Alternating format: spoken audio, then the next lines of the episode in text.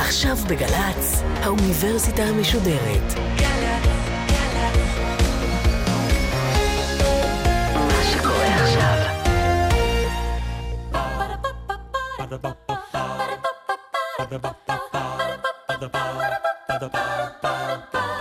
האוניברסיטה המשודרת מציגה מבוא ל עם קובי מידן והסמסטר פמיניזם עכשיו והפעם שיחה עם הדוקטור מירי רוזמרין מהתוכנית ללימודי מגדר באוניברסיטת בר אילן ואוניברסיטת תל אביב על הפילוסופיה הפמיניסטית. עורכת ראשית מאיה גאייר. שלום, הנה הצעד השני שלנו במסענו להכרת מושגי יסוד ועובדות יסוד הקשורים לתנועה הפמיניסטית ולמחשבה הפמיניסטית. בהרצאה הראשונה שרטטנו כמה קווים לגמרי ראשוניים להיסטוריה של התנועה ולמאבק, החל, נאמר, בשלהי המאה ה-18, במהפכה הצרפתית, דרך המאה ה-19, המאבק הסופרג'יסטי על זכות הצבעה לנשים, וכלה עד הפמיניזם הרדיקלי והאתגרים של הפמיניזם היום. בהרצאה הפעם ננסה לשרטט דווקא את ההקשרים האינטלקטואליים, שבתוכם פועלות ההוגות הפמיניסטיות והמנהיגות של הזרמים השונים. מהם הזרמים הפילוסופיים שאפשרו, ואולי אפילו דרבנו, את התרקמות התפיסות והמאבק? כיצד שינויים בדפוסי החשיבה הפילוסופית וגם הסוציולוגית השפיעו על הגדרות היסוד של המאבק הפמיניסטי, ולכן באופן הכרחי גם על המטרות של המאבק. ובכן, פילוסופיה פמיניסטית. הדוקטור מירי רוזמרין היא דוקטור לפילוסופיה ומגדר, היא מלמדת באוניברסיטת תל אביב ובאוניברסיטת בר אילן. שלום לך. שלום. אנחנו רוצים לדבר על התיאוריה הפמיניסטית, על החשיבה התיאורטית שמאחורי הפרקסיס הפוליטי או החברתי. ואני, את יודעת, אני יכול לשוות בנפשי תנועות אחרות של שוויון זכויות למשל, שהתיאוריה פחות נחוצה להם, שיש, לה, שיש בהן פחות מקום לתיאוריה עקרונית או לטיעונים פילוסופיים, אלא פשוט יוצאים לרחובות ונלחמים. למה התנועה הפמיניסטית הולכת כל כך בצמוד, היסטורית, עם תיאוריה? תראה, כל תנועות השחרור הגדולות, בסופו של דבר, הגיעו גם לתיאוריה, כדי להסביר איך העוול ממשיך ואיך הוא מתקיים. בהקשר של פמיניזם, זה ממש צמח יחד, כי אין דבר מושרש כמו היחסים בין גברים ונשים. ואז, כמו היום, כשאני אומרת אז, זה כבר מאה ה-18, רוב האוכלוסייה יגידו לך שאין שום בעיה, או שהדברים הם טבעיים. ואז נדרשת מחשבה ביקורתית שאומרת, א', מה הבעיה? זה שיש בעיה, מה היא? וב', מה יכול להיות אחרת? ומכאן צומח המאמץ התיאורטי של לפענח מהם המנגנונים התרבותיים, הרעיוניים, שהופכים את כל המציאות המשונה הזאת לסבירה וטבעית. אני רוצה עוד הבחנה אחת להיעזר בשירותייך הטובים כדי לנסות לעשות, והיא הבחנה שבין חשיבה ביקורתית לבין חשיבה פילוסופית בהקשר של פמיניזם. תראה, חשיבה ביקורתית היא חשיבה פילוסופית. הזרם של חשיבה ביקורתית הוא זרם של מחשבה פילוסופית, שלא יסתפק בשאלות שהן, נקרא להן נסוגות מהמציאות, מה שחלקים מהפילוסופיה עשו, וזה לסגת מהמציאות שבתוכה הם חיים, אלא זו פילוסופיה שמבינה את התפקיד החברתי שלה, וגם מבינה שאין רעיונות שמתקיימים בוואקום. רעיונות, מושגים, תפיסות עולם, מתקיימים באיזשהם יחסי גומלין עם המציאות מסביב, ולכן, אני, תמיד כשאני חושבת, יש לי תפקיד חברתי. תמיד כשאני פילוסופית, יש לי תפקיד חברתי. או בזה שאני מדברת משהו שאף אחד לא מבין והוא לא מזיז לאף אחד, או שאני נותנת כלים מחשבתיים לפענח את המציאות ואולי לשנות אותה. אני מנסה לעשות את ההבחנה הזאת מכיוון ש... למיטב הבנתי, כאשר אה, אה, הוגות פמיניסטיות מנסות לפעול בתחום של הפילוסופיה, כבר שם הן פועלות בתחום הזה, דהיינו הפילוסופיה, בתחום שהוא בהגמוניה גברית אה, עתיקת יומין, נכון? נכון. איזה... זה, כשהן בכלל פועלות בתחום הדת, הן פועלות בתחום אה, שהוא גברי. דת. כן. Mm. נשים לא הורשו ללמוד יותר מדי. אנחנו רואים במאה ה-19 עדיין דעות של טובי הרופאים באנגליה, לא תגיד באיזה מדינה נחשלת, שמסבירים שאסור לבנות ללמוד לימוד, אה, לימודים גבוהים, כי זה פוגע להם במערכת הרבייה, זה פוגע להם בפוריות. זאת אומרת, יש אה, בתוך התרבות המודרנית הדרה קבועה של נשים מדת, לכן כל התחומים האלה, הם, דבר ראשון, הם גבריים במי שעשה אותם ובקנון שלהם. אבל הם גבריים בצורת המחשבה, במובן העמוק של המילה. הם גם גבריים במובן שהם נחשבים מנקודת המבט של גברים בעולם, שמניחים שהאדם, שאותו אנחנו חושבים, כן, הרוח האנושית שאנחנו חושבים, מתגלמת בצורה מלאה יותר בחייהם של גברים, ושהיא לא באמת יכולה להתגלם בתוך אישה. ואת זה צריך לפענח, את הקשר הזה, בין גבריות ומחשבת האדם שהפילוסופיה עושה. כלומר, לאורך אה, דורות רבים, כשהפילוסוף, הגבר, אומר אדם, כשהוא מנסה לבדוק מהו אדם, איך אדם יכול לקדם עצמו, איך ראוי לו לאדם לחיות, איך אדם פועל בכל אחד מהתחומים הקלאסיים של הפילוסופיה, הוא מתכוון לגבר. לגמרי. א', צריך לזכור שברוב הטקסטים כתוב man בתור אדם. אוקיי? זאת אומרת, עדיין אנחנו משתמשים במילה גבר בתור מציין אוניברסלי של האדם. אבל נסלח על זה, נגיד, אוקיי, התכוונו לאדם. אבל כשאתה לוקח את רשימת התכונות שמועלות על נס, בתור התכונות האנושיות, שכאשר הן באות לידי ביטוי מלא או שלם, אז זה האדם בשיאו, ואתה לוקח מול זה, ואני עושה את זה עד היום בכיתות שלי. אוקיי? כן. שואלת אותם, אוקיי, מה, מה אתם מעריכים אצל בן אדם, או מה? ואתה מקבל רשימה. מצד שני, תגדירו לי עכשיו תכונות של נשיות אידיאלית. ואתה בונה רשימה, אתה רואה שזה רשימה של ניגודים. ובמובן הזה, כן, לא שהם היו גברים, או שהם רצו להרע לנשים, זה, כל זה זה לא מעניין. וזה אולי הם בני זמנם. אבל הלוגיקה הפנימית הזאת, שעדיין, ואני מאמינה שעדיין, גם היום במחשבה ובתרבות שלנו, התכונות שאנחנו מזהות, מזהות עם האדם, זה לא התכונות שאנחנו מזהים עם נשיות, ולכן גם כשהמבנה החברתי פתוח לכאורה, לך איתי ראש ממשלה, עדיין את תיתקלי באותה סתירה שאומרת, רגע, את אישה, את רוצה להיות אישה ומנהיג? זה לא עובד, זה דמות סתירתית עדיין, ואת זה צריך לפענח.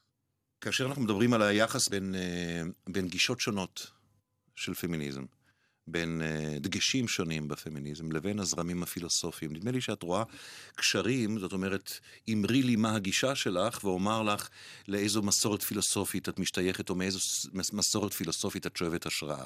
את יכולה קצת להאיר את העיניים בעניין הזה? לגמרי, תראה, המחשבה הפמיניסטית לא עובדת בוואקום. אנחנו נמצאות בנתון, במצב, שבו הכלים שלי לחשוב על המציאות, יש לי מסורת עשירה של מחשבה ליברלית, של מחשבה מרקסיסטית, של פסיכואנליזה, של אה, אה, פוסט-מודרניזם, אוקיי?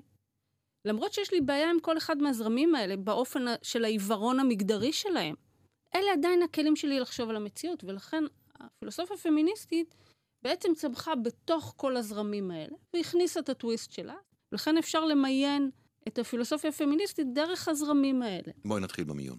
אוקיי. אז אם אנחנו הולכים לגל הראשון של הפמיניזם, אנחנו מדברים על המאה ה-18-19, הגל הראשון, גם בפוליטיקה, גם בהגות, הוא הגל הליברלי. כלומר, הצמיחה של המחשבה הליברלית, שהביאה את הרעיון הזה של בני אדם שווים ביסודם, שלכל אדם יש זכות מולדת על גופו ועל אנושיותו, הרעיון הזה הפך למציאות פוליטית די מהר בתוך אירופה ובארצות הברית, ונשים משכילות התחילו לכתוב בעצם גם אנחנו יכולות להיות בן אדם. סליחה, שכחתם אותנו בבית. או כמו שמרי וולסטונקרף כותבת את זה, אנחנו קלות דעת וטיפשיות וילדותיות, לא מטבענו, אלא בגלל החינוך שנותנים לבנות, שמשאיר אותם כך, ומחנך אותם להתעסק ביופיין, בגזרתן, בנימוסיהם, ביכולת, אה, במיומנויות שקשורות בלהיות אישה טובה, ולא מפתח את המחשבה הביקורתית, רציונלית וכן הלאה.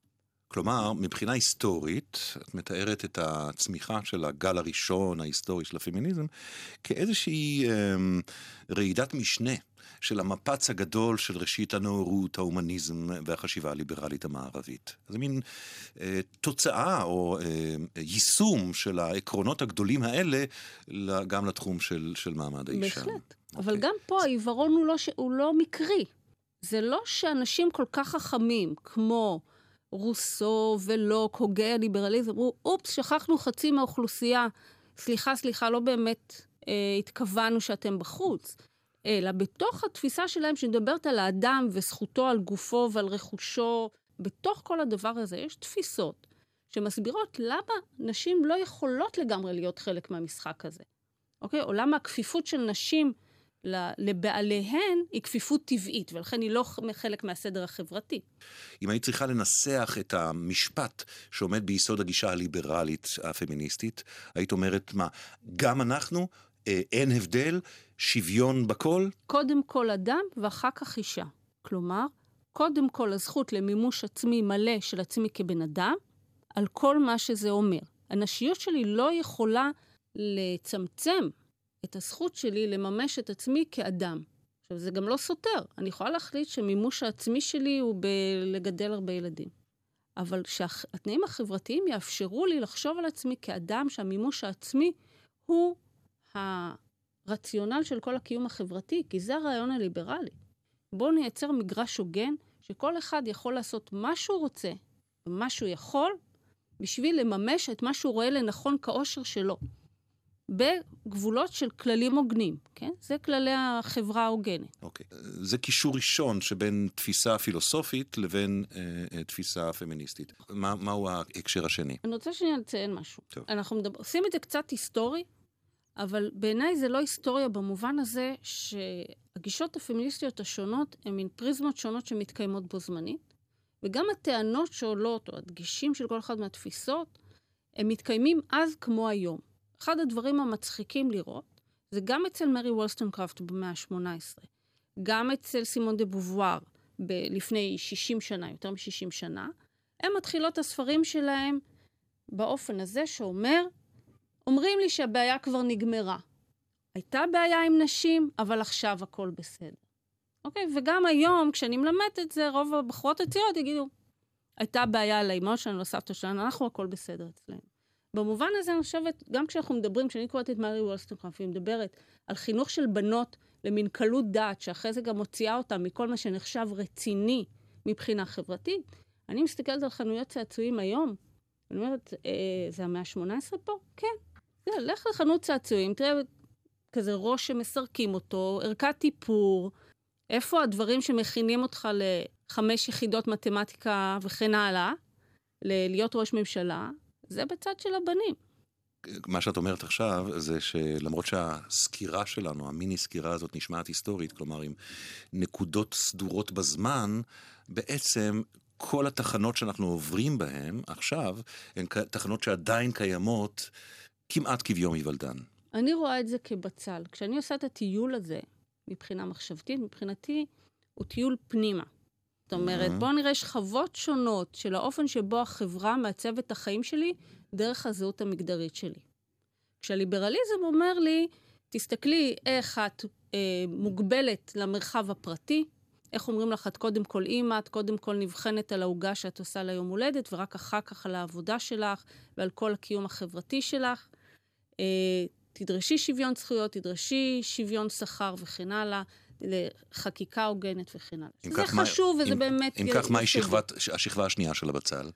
השכבה השנייה, אפשר לראות את דרך המרקסיזם. המחשבה המרקסיסטית לא הולכת בראש ובראשונה אל החוקים והכללים של החברה ושוויון בפני החוק, אלא על התכלס, על המטריאליזם, על איך הדברים שאני עושה עם הגוף שלי מוערכים ומקבלים איזשהו ערך בתוך החברה.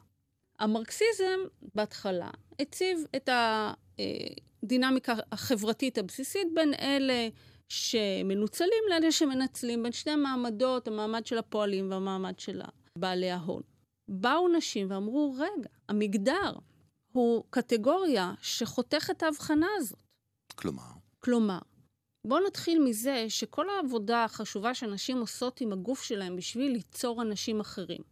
עבודה, נכון? שיוצרת גם משהו, יוצרת אפילו משאב די קריטי לאנושות, וזה האנשים של הדור הבא. Mm-hmm. לא נחשבה בתוך המרקסיזם בתור עבודה, אלא בתור מה שנקרא שעתוק. זה נהיה מין משהו כזה שאין לו ערך ממשי. עד היום, גם אם אני אגדל חמישה ילדים למופת, מכל בחינה שהיא, אני אנסה לקחת את העבודה הזאת שעשיתי, לתרגם אותה למשהו אחר, כמו ללכת לשוק העבודה ולהגיד, תראו איזה ניסיון יש לי. שום דבר אני לא אוכל לקבל תמורת זה. אני לא אקבל תמורת זה כסף, אני לא אקבל על זה הערכה, אני לא אקבל על זה עבודה אחרת, אין בזה ניסיון ושום דבר. הנה ניצול, mm-hmm. על בסיס מגדרי, לא רק מעמדי גרידא. תחשוב על כל העבודה שנעשית בבית. עד היום הפרופורציות הן של בערך 4 ל-1. על כל 4 שעות עבודה שנשים שמות בבית, גבר עושה אחת. כמובן שהסטטיסטיקות טיפה משתנות בהתאם למדינה, בהתאם גם לכמה אישה מרוויחה וכן הלאה, אבל בגדול אלה המספרים. מה זה אומר? שיש פה המון שעות עבודה, בחינם. שההבניה החברתית לא מתייחסת אליהן כעבודה, כעבודה במובן נכון. המרקסיסטי של המילה. אז הפמיניזם המרקסיסטי מפענח את המציאות דרך הרובד של אה, משאבים מסוגים שונים, ואיך הם עוברים מיד ליד דרך הסדר המגדרי הזה. כן, איך המגדר הופך את האי השוויון במשאבים להגיוני, טבעי, וגם, ל, אתה יודע, עם שמות יפים, עם אידיאולוגיות יפות, כמו אהבה אה, וכן הלאה. אוקיי, okay, זו התחנה השנייה אה, בשרשרת ההקשרים שאת עושה בין חשיבות או בין עמדות מוצא פילוסופיות לבין אה, תפיסות פמיניסטיות. מה התחנה השלישית? התחנה השלישית היא בעייתית, כי כולם קוראים לה כך ואני לא קוראת לה כך, אבל חייבים לעבור דרך החלוקה הזאת. אוקיי. Okay. כן. והתחנה הזאת היא התחנה של מה שנקרא הפמיניזם הרדיקלי. הפמיניזם הרדיקלי היה בעיקר קבוצות פוליטיות בשנות ה-70 בארצות הברית. משם הם קיבלו את השם שלהם, אלה היו קבוצות שמה שאפיין אותם זה חוסר שביעות רצון דווקא מההצלחות המסוימות של הפמיניזם הליברלי ומהיכולת של הפמיניזם הליברלי בגל, בגל השני בשנות ה-60 להתקבל, הם הרגישו שיש איזו אג'נדה שלחלוטין נשכחה, וזה בעיקר האג'נדה של אלימות מינית. הם אמרו, אנחנו מסתכלות על המציאות, ומה שאנחנו רואות זה שליטה מינית חד משמעית של גברים בנשים. וזה לא משנה אם עכשיו את יכולה לעבוד ולהרוויח קצת יותר כסף וללמוד סוף סוף בהרווארד, יופי, קיבלו אותך. אבל עדיין הסיכוי שלך להיאנס הוא מאוד גבוה. זה גם נשים אקטיביסטיות שבאו ממקלטים לנשים מוכות, מקלטים לנפגעות תקיפה מינית, וזאת המציאות שהם ראו והיו צריכות לצעוק אותה. ואחד הצעדים המאוד חשובים, המאוד פופולריים שלהם, היה אה, ההפגנה שלהם מול אה, מלכת היופי, מול תחרות מלכת היופי. אחת מהן, שפתאום אמרו, הנה, זה אובייקטיביזציה, הדבר הנחמד הזה, הוא קשור בקשר תרבותי לאלימות המינית שאחרי זה כל כך הרבה בנות אה, נתקלות בה, אוקיי? זה היה העניין שלהם. אבל הם לא היו כאלה תיאורטיקניות גדולות. בסופו של דבר, הקולות שהכי מזוהים עם מה שנקרא הפמיניזם הרדיקלי, שזה אנדריה דבורקין וקתרין מקינון, שעדיין יושבת בהרווארד ועושה ביקורת משפט, הכלים התיאורטיים שלהם, המחשבתיים שלהם, הם בעיקר מרקסיסטים. להראות את הניצול ולהגיד גם הגופניות הנשית, גם המיניות הנשית, היא אה, ניצול. כלומר, יש מין וריאציה בתוך החשיבה המרקסיסטית ששמה את הדגש, אם אני מבין נכון, על קשר בין, למשל, ייצוג הגוף הנשי במרחב הציבורי, לבין אלימות כנגד נשים גם במרחב הפרטי. כן, ואני אגיד את זה יותר.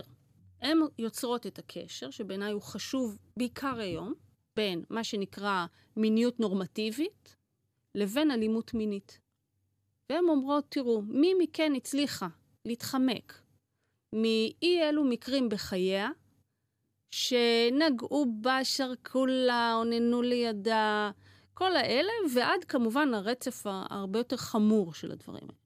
כן, מי לא אמרה טוב ושכבה עם מישהו כשהיא לא באמת רצתה, או במין מצבים אפורים כאלה. והעובדה שזה חלק מביוגרפיה של כל אישה, אני רוצה להגיד לך שאני שואלת את השאלה הזאת בכיתות של 200 איש כבר הרבה מאוד שנים, ועוד לא קרה שהרימה יד מישהי ואמרה, על מה את מדברת? כל אחת יש לה בביוגרפיה שלה כמה וכמה מקרים כאלה בנאליים וחלקם לא בנאליים. כשאת לא רואה גם שינוי במיני סקר הזה שאת רואה בכיתות שלך, להפך. את רואה שינוי לרעה. כן. כן, כי היום הציפייה המינית מילדות היא הרבה יותר בוטה מאשר נגיד בדור שלי. דווקא בגלל התביעה לפתיחות מינית והשיח של הצניעות או של לא רוצה, כבר הוא לא לגיטימי. אוקיי? אז הטענה החזקה פה זה להגיד, תראו, אם במציאות החיים שלך בתור אישה מינית רצופים סיטואציות של פגיעות ואלימות מינית, אז למה לא נעשה את המשוואה הזאת ונגיד את זה שעדיין מיניות נשית היא לא בידיה של האישה עצמה, אלא היא, אה, תגיד מקינון, מיניות נשית היא חינוך לשליטה גברית. אני מנסה לנס, להצליב את קליפות הבצל, אה, כפי שאת uh, משתמשת בדימוי המוצלח הזה בעיניי, לבין שמות של הוגות מרכזיות uh, בתחום. אבל נגיד בטי פרידן, איפה את ממקמת אותה בתוך הקליפות הללו? בטי פרידן היא הקול של הגל השני האמריקאי, שהיא קול ליברלי, כי היא באה אל דור שלם של נשים שהגשימו את האידאל הנשי, שאחרי סוף מלחמת העולם השנייה, גברים חוזרים ממלחמת העולם השנייה, צריך לפנות להם מקום. אידיאולוגיה מאוד חזקה של ההגשמה העצמית שלך היא באמת עם המשפחה שלך, לא בחוץ, נשים חוזרות הביתה, מממשות חיים מושלמים לכאורה בתוך הפרברים האמריקאים בשנות ה-50, של האישה הנפלאה, של הבית הנקי וכן הלאה, ומתות מדיכאון ומפתחות בעיות שתייה. ופרידן כותבת אליהם ואומרת, מה מכניע אתכם בתוך הבית? כן, היא הוציאה את הבעיה הזאת, הפכה אותה לחברתית, הפכה אותה לתופעה. בעצם אמרה, אנחנו לא יכולים שהנשיות, באיזשהו דימוי מסתורי כזה של נשיות, יעמוד בפני הזכות שלנו לחפש מי אנחנו. היסטורית היא שייכת לגל השני, אה, הליברל. עקרונית היא שייכת למחנה הליברלי. מילה וחצי בהקשר הזה של שיוך קישור בתוך המפה שאת עושה לנו, אה, נאמר על סימון דה בובואר. סימון דה בובואר היא זרם בפני עצמה. Mm. היא לקחה את הפילוסופיה האקזיסטנציאליסטית, שמנסח אותה בתקופה הזאת סארטר בעיקר, ומסביבה גם מרלו פונטי ו- ורומן גרי ואחרים. וכשסארטר נוסע למלחמה ועושה קצת שקט בבית, והיא כותבת את זה, כשהוא קצת רחוק, היא יכולה לכתוב את הספר שלה, והיא משתמשת בקטגוריות של האקזיסטנציאליזם בשביל להגיד משהו על התודעה של הנשיות. מבחינתה, התשובה לשאלה מה היא אישה, זה כמובן לא תשובה ביולוגית, זה גם לא תשובה מעמדית אה, מרקסיסטית, אלא זה עמדה תודעתית, והתודעה היא תודעה של אחר. של להיות עזר כנגדו, של להיות עבור החירות, הראי שבו משתקף הרצונות של האדם מולך. נדמה לי שיש עוד תחנה אחת שאנחנו צריכים לעבור, שהיא חצי היסטורית, חצי שיטתית שכזאת, והיא התחנה הפוסט-מודרנית, נכון? בהחלט. אוקיי. פוסט-מודרניזם התפכח מהניסיון להגדיר את האישה. כי בדרך, במאמצים השונים האלה, גם לנסח מה הבעיה, וגם להציג איזשהו אופק של קיום שוויוני, כל פעם עולות קבוצות ואומרות, רגע, אבל אתן לא מדברות בשמנו. מה עם נשים עניות? מה עם נשים שחורות, שהמציאות שלהן אחרת? אז מול ריבוי הקולות הזה, והניסיון להבין שאין אישה אחת ואין גם קול אחד של פמיניזם, ויחד עם המחשבה הביקורתית של מישל פוקו ודרידה ואחרים, והמחשבה הפסיכואנליטית שתורמת פה הרבה מאוד, אה, הניסיון הוא להבין איך הלכאורה זהות הזאת היציבה. ברור, אני אישה, ברור, אני גבר, זה מה יותר פשוט מזה עבור רובנו. איך נוצרת הקוהרנטיות הזאת? איך נוצרת האחידות הזאת? איך נוצר הקול הזה? ומה הסנקציות כשאני מתחילה להתעסק עם הזהות הזאת ולנסות לשנות אותה, מה הסנקציות שאני מקבלת מהחברה? העוגה הכי מרכזית בזרם הזה, הכי ידועה, זה ג'ודית באטלר, האמריקאית, שעדיין uh, חיה לשמחתי, והיא בעצם אומרת דבר כזה. היא אומרת, אנחנו נעשות נשים, ואנחנו נעשות דרך ביצוע מספיק מדויק של מה שהחברה קוראת לנו אישה. איך שאני יושבת, איך שאני מתלבשת, איך שאני מדברת, איך שאני מנהלת את הגוף שלי, כל אלה בעצם הסכמים כאלה קטנים, שאם אני מבוצעת נכון, אז כולם יזהו אותי בתור אישה, והכל יהיה בסדר, וכאילו המיניות שלי והמגדר שלי הם שלי.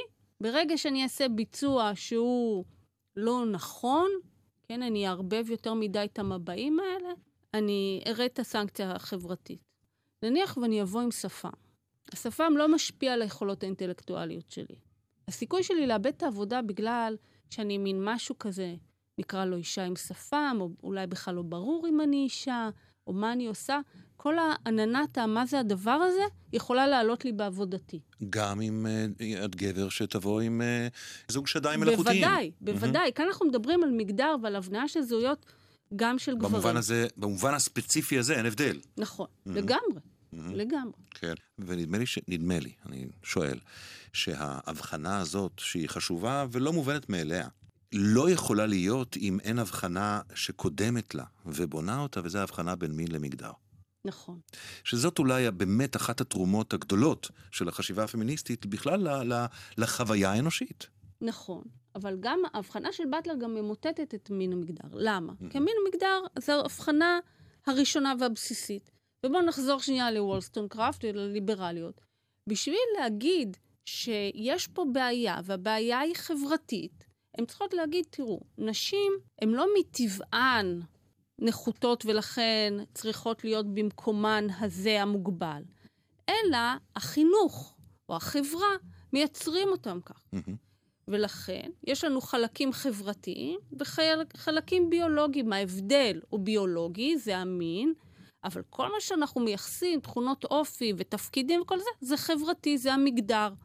אוקיי? ואז מה הם עשו כשהם עשו את ההבחנה הזאת? אמרו, טוב, אנחנו שונים ביולוגית, כי תמיד כשמדברים על מגדר, המשפט השני הוא רק נשים יכולות ללדת. אז אחרי שהם שמעו כמה פעמים את המשפט הזה, הם אמרו, טוב, אבל זה שהן יכולות ללדת, לא אומר שהן צריכות להיות האימא, לא אומר שהן צריכות להיות כל היום בבית, לא אומר שהן צריכות להעניק, כל הדבר הזה חברתי. למה אני אומרת שבטלר בעצם ממוטטת את זה? כי היא לא רוצה להגיד יש טבע ויש חברה, אלא היא אומרת משהו יותר רדיקלי. שגם הטבע מתווך על ידי התפיסה לגמרי, החברתית. לגמרי. דוקטור מירי רוזמרין, אנחנו מתקרבים לסיום, ואני רוצה לחזור לקראת סיום, אה, לנקודה שככה התחלנו איתה, באופן כמעט טבעי. המקום של ההגות ושל החשיבה הביקורתית בתוך הפעולה הפמיניסטית. היחסים האלה, הרי, ב, כמו שאמרתי בהתחלה, ונדמה לי שהסכמתי איתי, בתנועות שונות של שחרור, של שינוי, היחסים האלה הם שונים. ונדמה לי שאחד הדברים שמאפיינים את החשיבה, את היחס בין החשיבה לפעולה במישור הפמיניסטי הוא הגיוון. כמו שאנחנו רואים בחצי השעה האחרונה. ואני רוצה לשאול אותך אם הגיוון הזה הוא מקור כוח של, ה, של הפעולה הפמיניסטית, או להפך מחליש אותה. לדעתי הוא מקור כוח, משום שמה שאנחנו רואים כשאנחנו פורסים את המניפה הביקורתית הזאת, זה שהכוח החברתי וההשרשה של היחסים בין המינים היא בכל מקום. היא לא רק במרחב החברתי, גם בתוכנו, היא גם ביחסים בין, בין בני אדם וכן הלאה. ולכן בכל הזירות האלה צריכה להיות פעולה. עכשיו בעצם, כשאני חושבת על זה כבן אדם שחי בעולם ורוצה שינוי, כשאני חושבת על זה ככה, זה עושה לי דיכאון. כי אני צריכה לשנות בכל דבר ועניין, ואי אפשר, כן? כי זה גם החומרים שמהם אני מורכבת.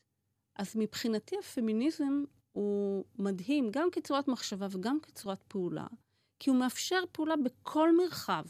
ועכשיו כל אחת ומה שתופס אותה, גם מבחינה רעיונית וגם מבחינת הלהט וגם מבחינת היכולות שלה. זאת אומרת, יש משהו מאוד לא טהור בחיים פוליטיים פמיניסטיים, כי אתה לא יכול להיות אה, צדיק או צדיקה בהקשרים האלה, כן? כל פמיניסטית תודה לעצמה שיש לה מקומות, כן, שבסוף היא מוצאת את עצמה נורא מתענגת על, לא יודעת מה, אקט מאוד לא פמיניסטי, כמו להכין ארוחת חג ל-20 איש ולשטוף את הכלים אחר כך. עכשיו, אם אני שואפת לאיזה צדיקות פוליטית, אז, אז זה סוג של בושה. אבל אם אני מבינה באופן מורכב את המהלך הזה של השינוי, שקורה בהרבה מקומות, בהרבה צורות, ושאני רק עושה חלק ממנו, אז אני חיה בשלום עם התהליך הזה, הוא הרבה יותר יציב. ואני יכולה להעביר לילדה שלי את הדבר המורכב הזה של קיום בתוך עולם, שמצד אחד העולם שלי, מצד שני הוא עולם שאני רוצה לשנות אותו. דוקטור מירי רוזמרין, תודה רבה לך. בבקשה.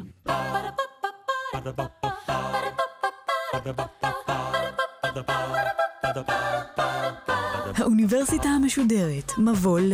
קובי מידן שוחח עם הדוקטור מירי רוזמרין מהתוכנית ללימודי מגדר באוניברסיטת בר אילן ואוניברסיטת תל אביב על הפילוסופיה הפמיניסטית. עורכת ומפיקה מיקה נחטיילר, מפיקה ראשית אביגיל קוש, מנהלת תוכן מאיה להט קרמן. האוניברסיטה המשודרת, בכל זמן שתרצו באתר וביישומון של גל"צ וגם בדף הפייסבוק של האוניברסיטה המשודרת.